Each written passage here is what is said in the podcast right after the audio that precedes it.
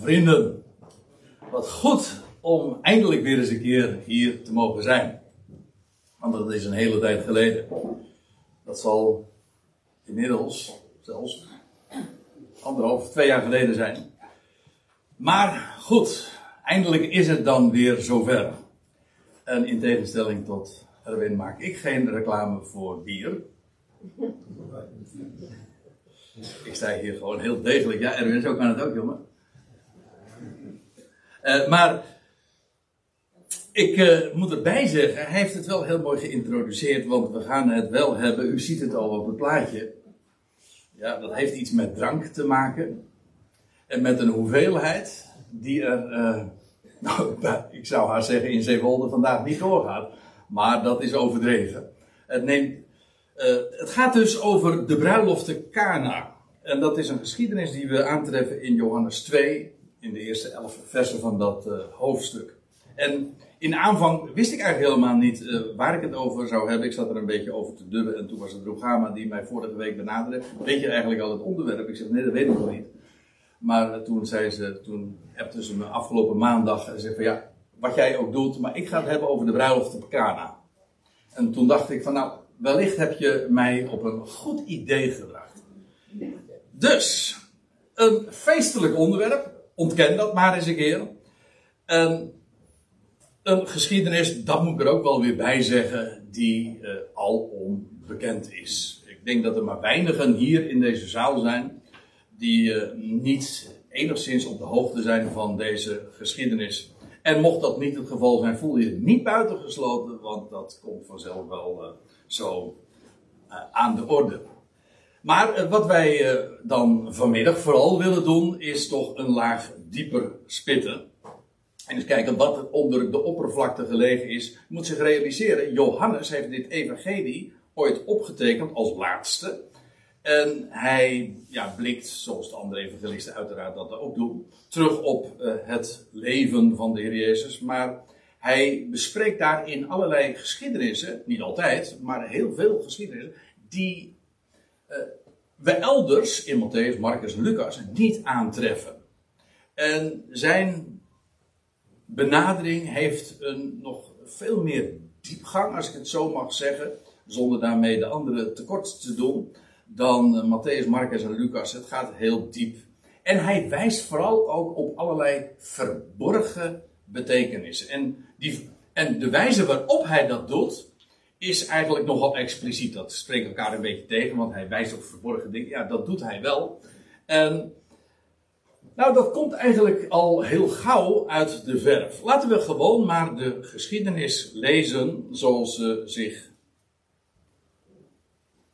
eh, aandient in Johannes 2 eh, en de volgorde van de plaatjes die eh, ligt voor de hand. Ik begin gewoon bij vers 1 en we komen vanzelf wel aan bij vers 11. En het is de bedoeling dat dat voor 6 is, of voor half vijf. Nee, dat komt allemaal goed. Op, er staat er, en ja, en ik kan me voorstellen dat bepaalde mensen die hier nu zitten en die wel meer Bijbelstudies van mij volgen, en dat die nu denken: André, je doet het erom. Het is altijd de laatste tijd, met name, dat jij iedere keer wijst op de, de derde dag en na twee dagen. En dat laatste kan ik moeilijk ontkennen. Zelf, sterker nog, ik heb vanmorgen in Zee, niet Zeewel, in, uh, in Benthuizen gesproken. En dat ging over de geschiedenis van die spionnen in Jericho. En dat vindt ook allemaal plaats voor de derde dag. Dat wist ik niet in eerste instantie. En, een heleboel van u weten dat wellicht ook niet. Uh, maar het is echt zo. En momenteel geef ik ook een serie in Urk. En dat gaat ook allemaal over die derde dag. Dus ja, ik ben er wel erg op gefocust. Maar nu was het Rugame eigenlijk die mij uh, via deze link, uh, ja, via dit, deze suggestie, dit aandiende. Dus ja, ik ontkom er niet aan. Ik zal u vertellen, dit heeft voor mijzelf en voor mijn vrouw, die er nu niet bij is, niet kan zijn helaas, maar nog weer een, eh, een, speciale betekenis, want het was ooit bijna 30 jaar geleden dat wij elkaar het ja-woord gaven en toen kregen wij, toen hadden we, er was daar een trouwtekst en dat staat ook pontificaal in die Bijbel de eerste pagina. deze tekst in de Statenvertaling weergaven. Op de derde dag nu was daar een bruiloft. Zoiets staat er dan. Dus je kunt wel zeggen dat de afgelopen 30 jaar heel erg in het teken hebben gestaan in ons huwelijk van die derde dag. Dat moet u me dan maar, maar niet kwalijk nemen. En dat heeft er ook mee te maken dat die derde dag in de Bijbel altijd verwijst naar ja, overwinning op de dood en nieuw leven. Dat kan eigenlijk niet missen. Ik bedoel, als je het evangelie kent, dan weet je, ja, de Heer Jezus Christus heeft de dood overwonnen, het graf als eersteling definitief achter zich gelaten en dat was op de derde dag. Um, maar er zit nog meer achter en dat is dat ook uh, we in de profeten lezen dat de derde dag ook de dag is dat Israël nationaal zal herstellen en tot een ontwaken zal komen, nieuw leven van God zal ontvangen. Je vindt dat in uh, met name Johannes, pardon, in Hosea 6, dat het heel expliciet zo beschreven wordt. En ja, dat heeft dan ook te maken met de wijze waarop God de, tegen dagen aankijkt en tegen ja, hoe hij rekent. En dan zegt Petrus, ja, dit ene mag jullie niet ontgaan, geliefde, dat voor de Heer is, de, voor de Heer één dag is als duizend jaar. En dat vindt hij zo belangrijk, zodat hij de statement herhaalt en dan zegt, en duizend jaar als één dag. En hij spreekt dan twee keer over een dag en twee keer over duizend jaar. En dat heeft alles te maken met die tijdsperiode die er gelegen is tussen zijn eerste komst en zijn wederkomst. Oftewel die komst die ook met zich mee zal brengen Israëls herstel. Nou, uh, een lang verhaal kort te maken uh, betekent dat wij nu, na bijna 2000 jaar nadat de Heer is ten hemel gevaren, dat wij nu 2000 jaar later, en het gaat me nou helemaal niet om het jaar nauwkeurig of zo, maar het moet toch duidelijk zijn dat wij nu bijna 2000 jaar later leven. En dat betekent gewoon, laat ik het nou maar gewoon uh,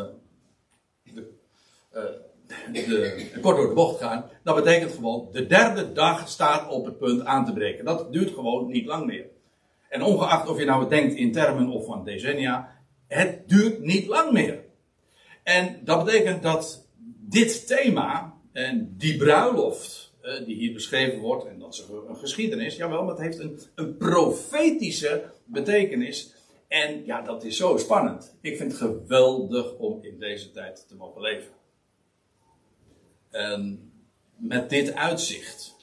Nou ja, uh, laten we even teruggaan naar de geschiedenis. Er staat er op de derde dag geschiedde een bruiloft te Cana in Galilea. Overigens, die vertaling die u ziet, die wijkt soms een klein beetje af, maar hij is nogal letterlijk gebaseerd op die interlineair die u hieronder ziet. Tenminste, als u, ik weet, als u hem uh, kunt zien, want degenen die daar achterin zitten, die, uh, die zullen dat niet helemaal kunnen.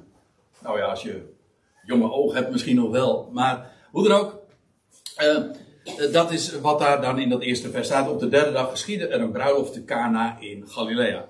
En dat is eigenaardig op de derde dag, ja, wat voor dag is dat? Nou, dan moet je even weten dat er een hele reeks van dagen al in Johannes 1 vooraf gegaan zijn.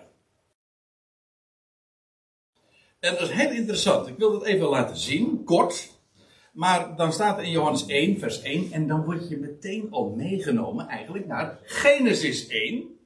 want hoe uh, is het? Johannes begint met in de beginnen was het woord. Maar hoe begint de Bijbel, de Hebreeuwse Bijbel? Genesis 1, vers 1. In de beginnen schiep God de hemel en de aarde. En dan krijg je de beschrijving van die zeven dagen. Nou, wat het, uh, de link is, Johannes 1 en Genesis, die hebben met elkaar direct te maken. Ze verwijzen naar het begin, maar ook naar zeven dagen. En dat wil ik laten zien, want ga maar na. In Johannes 1, vers 19 tot 28, daar wordt gesproken over de doop van en dat dat ook toegelicht wordt enzovoorts.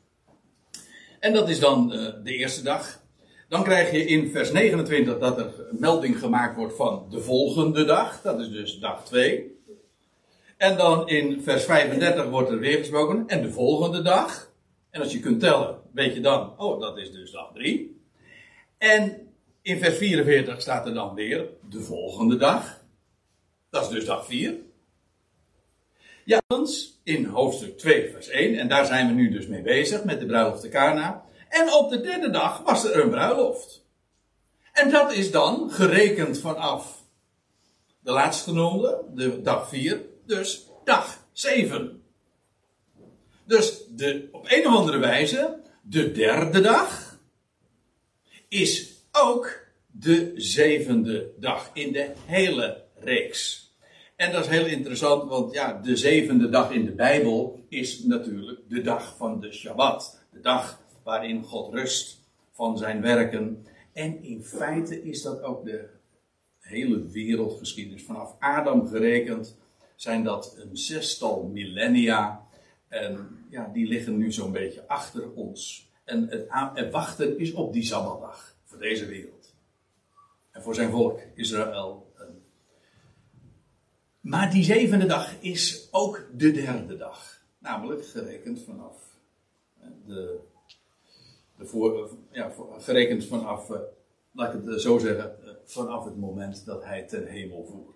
En het is heel leuk, want in feite, die twee dagen die daaraan vooraf gaan, die worden weer niet vermeld. Die zijn verborgen. Twee verborgen dagen. En dan krijg je de derde dag. Neem me niet kwalijk, dit zijn gewoon hints. Dit, dit zou je op, uh, aan het denken moeten zetten. Daarom vertel ik het ook. En, maar, maar, ja goed, ik, ik moet bij vers 11 uitkomen. En, dus ik, ik ga gewoon door. Er staat dus op die derde, er was een, op een derde dag. Trouwens, daar moet ik er nog, ook nog even bij vertellen. Een in een, een eh, Joodse bruiloft worden bij voorkeur, heb ik me verteld, traditioneel gevierd op de derde dag. Waarom? Omdat, ja, ik bedoel ook de dinsdag. U moet weten dat uh, de Joden die, die benoemen dagen niet naar planeten en de maan en de zon enzovoort, maar die nummeren ze gewoon. Vandaag is het, nou ja, morgen is het Sheni en dinsdag is Yom Shlishi en dat is gewoon de derde dag. Dus de derde dag is gewoon de dag van de week, de dinsdag. Oké, maar goed. Uh, daar, daar, was dus een, een, een bruiloft. Te, ja, te Cana in Galilea. Maar ja, weet u, dat is ook de dag, dat bedoel ik profetisch ook, die derde dag, die hier beschreven wordt, die bruiloft die daar gevierd werd en het wonder wat daar plaatsvond, dat is profetisch ook een aanwijzing van wat de Heer gaat doen op de derde dag. En dat zal, een dag, dat zal de dag van de bruiloft zijn. Dat hij Israël tot bruid zal werven. Je leest dat ook trouwens in Hosea. Ik zal u, Israël, tot bruid werven voor, voor de eeuw. En en, en, dat wordt geweldig gevierd. Ik zal u belokken in de woestijn. Prachtige romantische beschrijving ook. Heel vaak wordt dat in de Bijbel zo beschreven. Israël, de bruid. Nou ja, dus dit geeft, dit opent een geweldig perspectief ook voor, ja, voor de toekomst. En eh, niet alleen maar dat God zijn volk weer gaat trouwen en dat hij haar tot bruid zal werven, maar ook wanneer dat zal zijn. En het was een, eh, dat was een bruiloft te Cana in Galilea. Komt er straks nog eventjes op terug. En een heel aantal details, daar ga ik heel snel doorheen. Ik, uh, ik lees het gewoon voor. En er staat ook bij, en de moeder van Jezus was daar. Dan moeten we trouwens weten dat Cana, dat lag eh, vlakbij, of ligt vlakbij Nazareth. Dus het was de omgeving waar de Heer Jezus ook is groot geworden. Hoe de connectie met het bruidspaar was, weten we allemaal niet, wordt niet vermeld doet het dus uh, kennelijk uh, niet de zaken voor het verhaal. En goed, de moeder van Jezus was daar. En er staat in vers 2, ook Jezus nu werd genodigd. En zijn discipelen tot de bruiloft. En dan, dan ontstaat er een probleem. Dat kan een groot probleem zijn inderdaad op een feest. Toen er tekort aan wijn was, zei de moeder van Jezus tot hem, ze hebben geen wijn. Ja, wie dat kwalijk genomen uh, kan worden, dat weet ik niet. Is er, is er slecht uh, gerekend met de inkoop? Of waren daar te veel gasten? Of is er te veel gedronken? Dat kan natuurlijk ook. Ik weet het allemaal niet. Doet ik niet te zeggen. Er was gewoon wijn tekort. En ja, dat, uh, Daar kun je natuurlijk eh, op een hele ethische, moralistische manier tegenaan kijken. Van, dronken ze dan meer dan één glaasje? Nou, ik heb de indruk van wel, maar daar kom ik straks nog op terug. Uh, overigens, dit is geen pleidooi voor de dronkenschap. Ja, want ik, ja, ik moet allerlei disclaimers er nu eventjes bijzetten. Want god, wat doe jij nou weer? Nou, ik wil gewoon, ik, ik, lees de geschiedenis. Er was tekort aan wijn. Dat is een ding wat zeker is. We moeten trouwens uh, dan ook bedenken dat als daar een bruiloft gevierd werd, dan was het niet zo van, zoals wij dat het afgelopen anderhalf jaar moesten doen. Maar hooguit 30 man of zo. Nee, nou ga je, kwam de, was het hele dorp daar aanwezig. Dus uh, daar moet je ook nog even mee, mee rekenen. En, dan krijg je de eigenaardigheid dat uh, uh, ja, Maria die wijst haar zoon, Jezus, op dit fenomeen. Ja, gewoon het probleem dus van het, het bruidspaar of van de van de ceremoniemeester, ze hebben geen wijn. En dan staat, en zegt Jezus, en Jezus zei tot haar, wat gaat dit mij en u aan, vrouw? Ja, de wijze waarop dat in de MBG wordt weergegeven is wat kribbiger. Van, uh, wat heb ik met u vernoden? Maar zo staat het eigenlijk, als het mij vraagt, uh, ook niet. Uh, maar hij zegt gewoon, wat gaat dit mij, wat gaat dit mij en u aan, vrouw? En dat is eigenlijk gewoon een vaststelling. Hoor eens heb ik, wij zijn gasten. Ehm, dat is dus over, over de hoeveelheid drank of eten in de keuken, ja, dat is niet onze zaak. Dus in feite is dat gewoon dus niet eens zozeer een verwijt, als wel een vaststelling. Dit is niet ons probleem. Uh, maar hij voegt er nog iets aan toe, en ik denk dat dat met name het punt is wat, wat Jezus maakt. En dit is iets, een uitdrukking, die je heel veel keren tegenkomt in met name het Johannes-evangelie dat hij, Jezus zegt, mijn uur is nog niet gekomen. En hij zegt het in allerlei contexten. Maar het idee is natuurlijk dat het vooral gaat om goddelijke timing. God voorzegt dingen.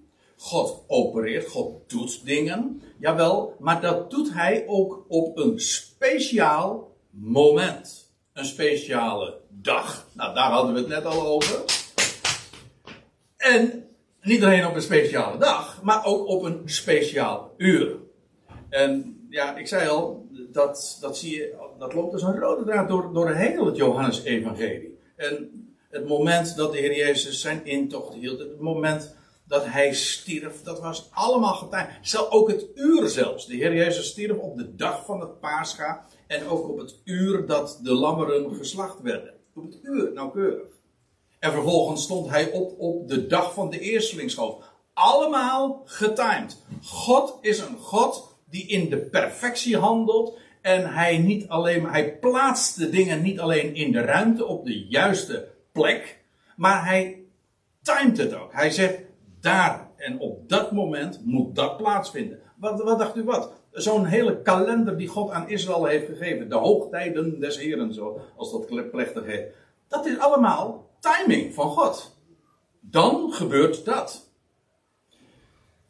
Goed, eh, de Heer zegt, mijn uur is nog niet gekomen. Het, eigenlijk het idee is van, ja, dit is een probleem dan uh, van het bruidspaar of van wie dan ook, maar niet van ons. En uh, als God het nodig vindt, dan geeft Hij dat op zijn moment. Dat is het idee. Mijn uur is nog niet gekomen. En wanneer is het dan wel gekomen? Wel wanneer God dat beschikt. Dat is wat uh, hierachter steekt.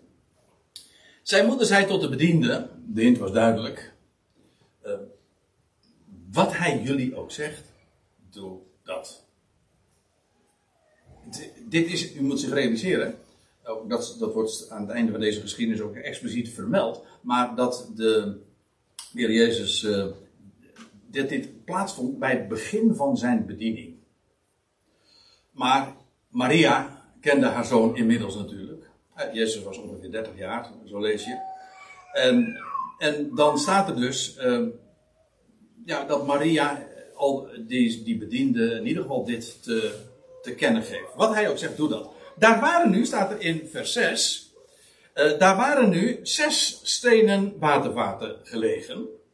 Naar de reiniging van de Joden, dat wil zeggen allemaal precies uh, kosher uh, bereid en klaargemaakt en ook gereinigd hoe dat dan ook maar gaan, is gegaan. Maar in ieder geval naar de gebruiken ook van Israël en van de Joden. Elk met een inhoud van twee of drie metreten. En dat is een inhoudsmaat die wij natuurlijk niet kennen. Ik heb ooit eens een keer het verhaal gehoord van iemand, van een ouderling, die zei: van, weet je wat het echte wonder van Cana was? Dat er water in stenen watervaten, uh, werd gedaan. En dat water bleef erin zitten, terwijl het vaten met reten waren. Met reten, met kieren, met scheuren.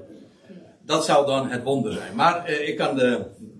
Of dat waar is, weet ik niet, maar ik vond het wel een grappige associatie. Dat klopt dus niet. Metreten, dat, dat, zijn, dat is een inhoudsmaat, want een metreet, dat is ongeveer een kleine 40 liter. Zodat als uh, elk twee of drie metreten hadden, dan gaan we even gemakshalve vanuit dat ze dus uh, 2,5 metreet waren, dus 100 liter elk. Dan praat je dus toch over zes vaten van 100 liter. Oftewel 600 liter. En het was nu op dus. Hè? Dus er was, het was niet zo dat ze helemaal niks hadden. Nee, het was op. Dus ja, nou goed. Je zegt, ja, maar er ging water in. ja, dat is waar, ja. Er ging water in. Maar nu komt hij. In ieder geval, uh, ja, die vaten die, uh, die, die, ja, die waren nu dus leeg. En die lagen daar. Zes. Nou, op allerlei symboliek van, van, van, van de, van het getal, daar wil ik eventjes uh, aan voorbij gaan. Waar ik niet aan voorbij wil gaan, is dat Jezus dan zegt in vers 7. Jezus zei tot hen, die bedienden. Kennelijk was hij benaderd.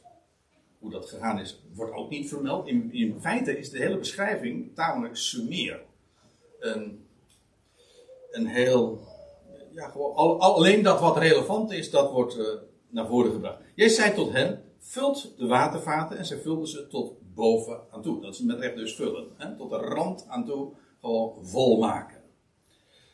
Um, ja, ik, ik kan toch niet nalaten om ook nu even een, een link te leggen met, uh, met wat de Bijbel zegt over watervaten en kruiken en aardevaten in het algemeen. Want een aardekruik, geloof het of niet, maar is echt een beeld van de mens in het algemeen. Wij zijn aardevaten. Wij zijn genomen uit het is een prachtig mooi beeld, hè? Want wij zijn uh, aardevaten, genomen uit de aarde. Dat is één ding. Maar we zijn eigenlijk ook hol. Ik weet niet of ik u daarmee complimenteer. Uh, maar, wij, en, maar het idee is, dat is geen, uh, dat is geen gebrek dat hij een vat hol is. Nee, dat is juist dat is de clue dat hij hol is. Waarom? Want dan kan hij gevuld worden. Daarom.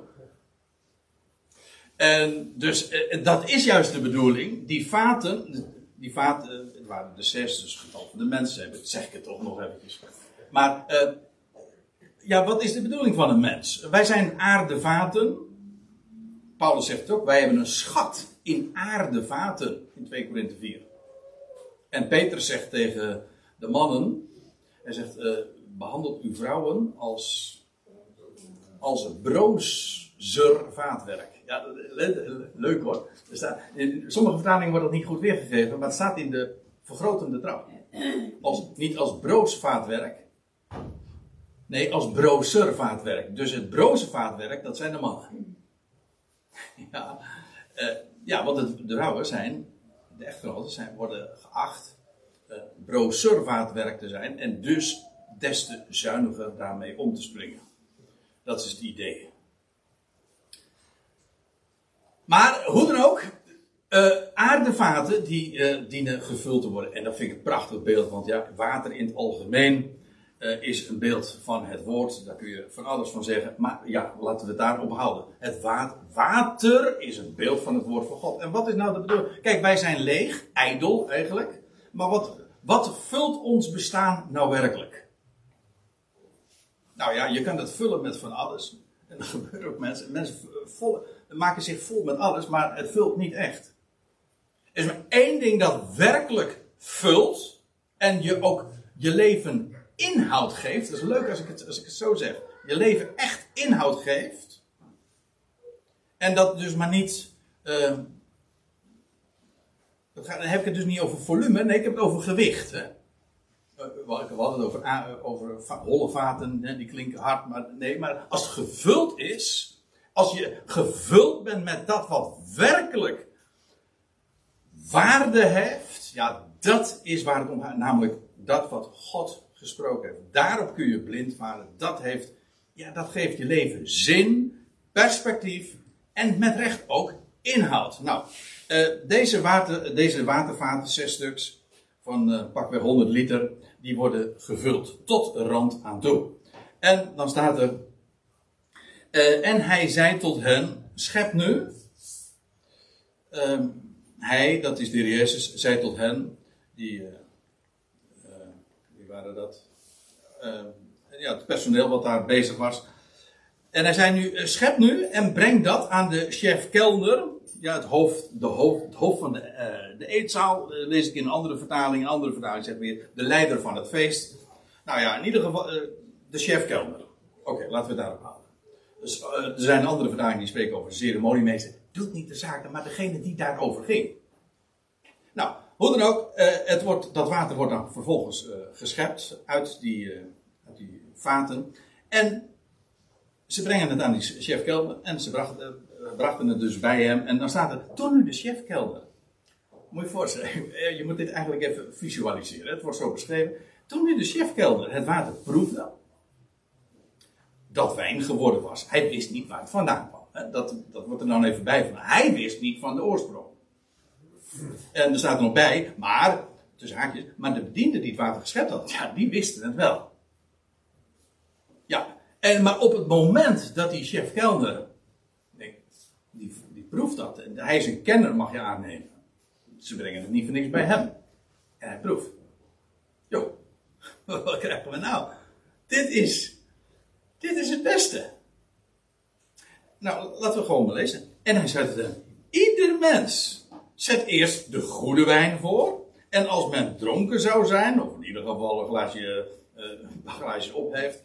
Nou, dan ben je niet meer zo scherp in, in het onderscheidingsvermogen van kwaliteit dan maakt het niet zoveel meer uit. Want hij, hij is, hier is duidelijk een kenner aan het woord. Je begint niet, je begint, uh, je begint met de beste wijn. En uh, later instantie kun je, kun je daar wel met de kwaliteit een beetje rollen. Want dan zijn de mensen toch niet zo kieskeurig meer. En van die fijnproevers, nee. De... hij zegt, ieder mens zet eerst goede wijn voor. En als men dan dronken zou zijn, of bedronken of beschonken, de mindere. Maar u hebt de goede wijn bewaard tot dit moment. Het feest was al een hende heen. Ik bedoel, het was niet voor niks, al, uh, al uh, de wijn was op. Dus het, was, uh, het feest was al een eind heen. Maar nu zegt u hebt de goede wijn bewaard tot dit moment. En op het moment dat ik het zo vertel, dan moet ik meteen aan een liedje denken wat ik heel, vroeg, heel vaak gehoord heb. een liedje van Ellie Rickert, als ik me niet vergis. u hebt het beste voor het laatst bewaard. Maar dit is zo karakteristiek. En ik zou haast zeggen, meen niet echt wat ik zeg, maar je mag alles vergeten. Maar onthoud dit. Dit is zo karakteristiek voor de wijze waarop God spreekt en hoe God handelt. Het beste, ik mag het graag zeggen. Ik geloof het namelijk dat het waar is beste, dat komt nog. Het beste is de toekomst. En dat is, ja, God handelt zodanig. Eh, het wordt steeds groter, heerlijker. Dat zie je ook in, in die wereldtijdperken, die Ionen nu nog gekomen. Dat, die zijn overtreffend. De, en dat wat er daarna gaat komen, het wordt steeds stralender, steeds schitterender. Totdat het uiteindelijk ultiem is. En dat je het ook leest dat de Heer Jezus Christus uh, ook de, de, de dood niet gedaan zal hebben. En dan zal hij een volmaakt koninkrijk waar niets en niemand meer ontbreekt. Vol overgeven aan zijn God en Vader. Ja, dan, ja, dan is het ultieme bereik. Maar dat is. Ja, dat wordt steeds groter. Het is net als een, een, een, steen die je in, het, in een vijver gooit en dat er steeds grotere kringen ontstaan. Nou, zo werkt God. Steeds groter, steeds heerlijker, maar ook is in dit geval ook het beste ja, dat komt nog. En dit is typerend. Dit is typerend uh, voor eigenlijk heel het evangelie. Van de blijde tijding die we in de schrift vinden. En ja, daarom, daarom is er geen categorie mensen die zoveel reden heeft om met, met een opgeheven hoofd uh, omhoog te kijken. En om werkelijk uitzicht te hebben. Ik sprak vanmorgen, ik zei het zojuist al over, uh, over die verspieders in, uh, in Jericho. En die, die bij, uh, bij Rachel waren. En Rachel had ook zo'n venster, weet je wel. Die had een, een venster, uitzicht. En dan had ze rode draad, een koord. Maar dat was eigenlijk hoop. Tikva. Hoop. Nou, dat is wat wij hebben. En ja, gewoon de, wat de, ik bedoel, dat weet de wereld niet. De wereld maakt zich nu heel erg druk. Ja, juist ook voor de komende jaren. Ja, ik heb het dan nog niet eens over corona, maar over het klimaat. En, dat, en dan zeggen ze: save the planet. Nou, ik moet zeggen, ik vind het vreselijk armetierig. Ah, ik ben zo blij dat ik gewoon weet dat God nog een geweldige toekomst, zelfs met deze aarde heeft. Al is het niet de definitieve. Want de eerste hemel en de eerste aarde gaan voorbij, dat weet ik. Maar neem niet weg, die zevende dag die komt nog hoor. Of die derde dag, zo u wilt. Die gaat nog komen. En daar, God, daar zorgt God zelf voor. En geen mens weerhoudt hem daarvan. En dacht u nou werkelijk dat, dat, dat God uh, ons nodig heeft om de planeet te redden? Nee, er is maar één redder. En dat is hij zelf. En dat doet hij inderdaad door zijn zoon, de Heer Jezus Christus, die de redder der wereld is. Maar daar kom ik straks trouwens ook nog even op. Eerst nog even dit. Eigenlijk is dit de geschiedenis namelijk van uh, Johannes 2. Hè? Het verhaal van die, of die geschiedenis, want het is, echt gebeurd. Dat is zo mooi. Ja, het zijn maar niet verhalen. Nee, het is echt gebeurd. Een godswonder. En nou, dat, dat is hier beschreven. En dan, dan staat er ter afsluiting eigenlijk van deze geschiedenis, dit, deze geschiedenis dus, de voorgaande tien versen. Dit deed Jezus als begin van de tekenen in Cana te Galilea. Als begin van de tekenen. Dit is eigenlijk, ja, het is niet alleen maar, daar startte het mee, maar het is ook het beginsel. Ik meen dat de Statenvertaling dat ook zegt. Het beginsel van de tekenen. Eigenlijk in de zin dus ook van de oorsprong. Dit is eigenlijk waar alles in, al in vervat ligt. En hier begon het allemaal mee. Moet je even trouwens opletten hoe dat zich contrasteert met met uh, die ander, die we ook trouwens al eerder in Johannes 1 tegenkwamen, namelijk Mozes. Want ook voor Mozes lezen we dat hij een heel aantal tekenen heeft gedaan. En weten we wat Mozes' eerste teken was? Ja, water werd veranderd in bloed. Waardoor de hele Nijl eigenlijk doodging. Alles wat er aan leven was, ging dood. Opmerkelijk contrast, nietwaar? Je leest in Johannes 1, vers wat is het? 18? Nee, nou 17. Nee, 17 is het, ja. Johannes 1 vers 17 staat er, de wet is door Mozes gegeven, maar de genade en de waarheid is door Jezus Christus geworden. Kijk, de wet, Mozes, en daar werd water bloed, oordeel, dat was ook de wet, dus, dus het oude verbond. Dat heeft ook te maken met veroordeling en, en met dood, jazeker. Nou ja, zegt Paulus dan, dat oude verbond had ook heerlijkheid, zeker. Maar ten opzichte van dat wat zou komen, dat nieuwe in de Messias, ja, dan verbleekt dat. Kijk, ja, want u weet, het beste is voor het laatst, wordt voor het laatst bewaard.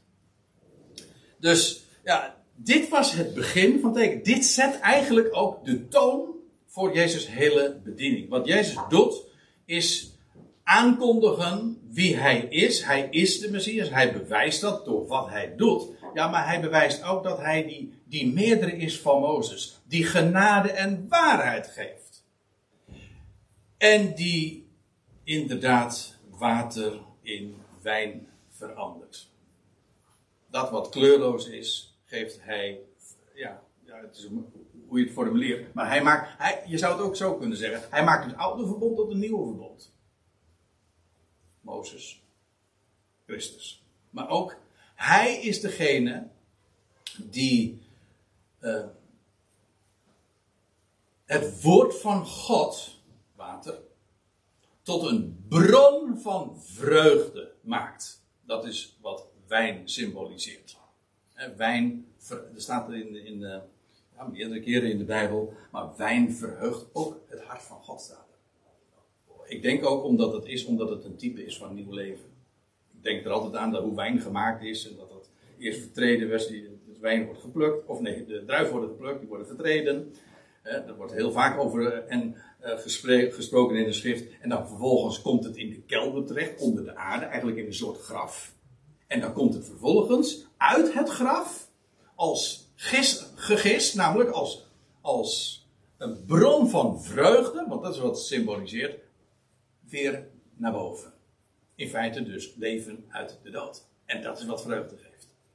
Nou, dat is die wijn. En vandaar ook dat dat, ja, dat hoort op een bruiloft. En u zegt van ja, maar ik ben van de blauwe knoop, dat maakt me niks uit. Het symbool blijft.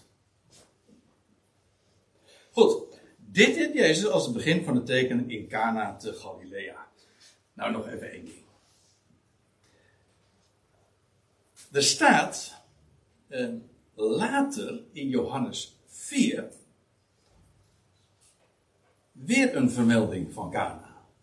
Later in Johannes 21 nog een keer, omdat je dan leest dat Nathanael daar vandaan kwam. Maar uh, dan lees je in je, eh, je kunt het zo, ik heb geen, uh, geen schriftplaats uh, die ik hier nu projecteer. Maar in Johannes 4, vers 46 lees je dat Jezus weer in Cana kwam. En daar genas hij die, die, die koninklijke beambte, die hoveling. En die was dodelijk ziek en de Heer Jezus geneest hem. Zoon van een koning, een prins, koninklijk, jawel, maar hij, wordt, hij was dood, en maar de Heer geneest hem. Ik geloof dat al die tekenen, al die wonderen die Johannes vermeldt, niet alleen maar wonderen zijn, waarbij je verwonderd van, ja, wonder, verwonderd zegt van, hoe is het in hemelsnaam mogelijk dat dat kan? Ja, maar het zijn ook tekenen, het heeft een betekenis. Het verwijst naar ja, wie hij is en wat, wat God in Christus, de Messias, doet. En hoe hij zijn volk gaat tot zijn bestemming gaat brengen op zijn tijd, inderdaad, de derde dag. Nou ja, dat. Maar nou, weer even, dat Kana. Later komt Jezus dus weer in Kana, waar hij de, de hoveling dan geweest. Maar weet u wat? Ja, echt hè? Ik verzin het niet. In Johannes 4, vers 43 lees je dat hij daarin, eh, dat hij eerst twee dagen, voordat hij dus in Cana komt, was hij eerst twee dagen in Samaria geweest. Sorry, het zal wel aan mij liggen, maar ik struikel erover. Als je eenmaal het ziet, dan, dan zie je het overal. En dat is dat design, dat, het, is, het is net alsof het allemaal dezelfde schrijver heeft, dezelfde ontwerper. Ja, je, ziet overal, zoals uh, Matanja zo juist tegen mij zei, je ziet overal Gods vingerafdrukken. Terug. En uiteraard in zijn woord, in zijn creatie. In dat wat hij voortgebracht heeft. Maar eerst lees je nog inderdaad dat de Heer Jezus dus een, twee dagen in Samaria verblijft. Ja, en dan lees je, in, daar hoort, hij kwam tot Israël, maar hij was twee dagen in Samaria. Eigenlijk moest hij daar niet wezen nou ja, goed, daar kun je wat op afdingen. Maar in ieder geval, uh, Samaria, dat was toch niet het volk van Israël? Nee, maar daar ging hij toch naartoe. En hij verblijft er twee dagen en dan wordt hij erkend als de redder der wereld. U bent waarlijk de redder der wereld. En dan is hij twee dagen daar in Samaria geweest, buiten het Joodse land. En dan komt hij vervolgens, na die twee dagen, komt hij weer in Cana. Waar hij ooit eerder al een keertje op de derde dag een bruiloft tot echt een bruiloft maakte. Doordat hij water tot wijn maakte. En dat wonder verrichtte als begin van zijn tekenen.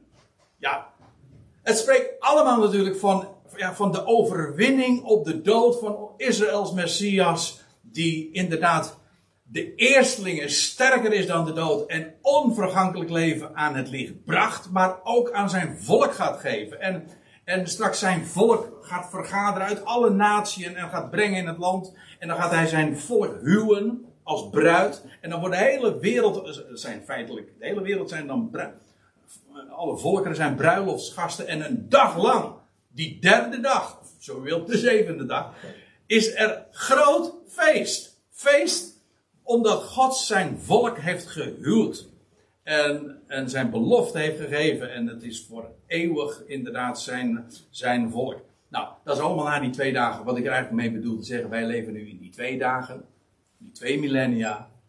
En wat hoort, wat in, de Heer Jezus heeft daar in Samaria trouwens geen, uh, geen wonderen verricht. Wist je dat? Er was niks te zien, maar er was wel wat te horen. En ze hebben hem erkend.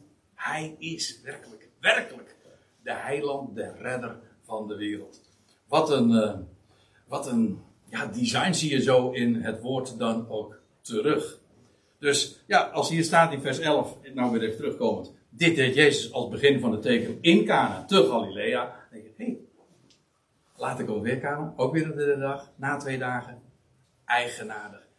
Ik bedoel dit te zeggen, dat woord van God, de schriften, die zijn zo rijk. En ja, we worden gewezen, ja, nou zoals hier staat, de rest van vers 11.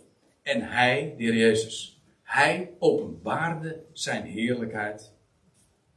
En zijn discipelen, zijn leerlingen, die geloofden in hem. Ja, maar hij openbaarde zijn heerlijkheid. En ja, dat is uh, wie hij is. En wat hij geeft. En dat er voor hem niets te wonderlijk is.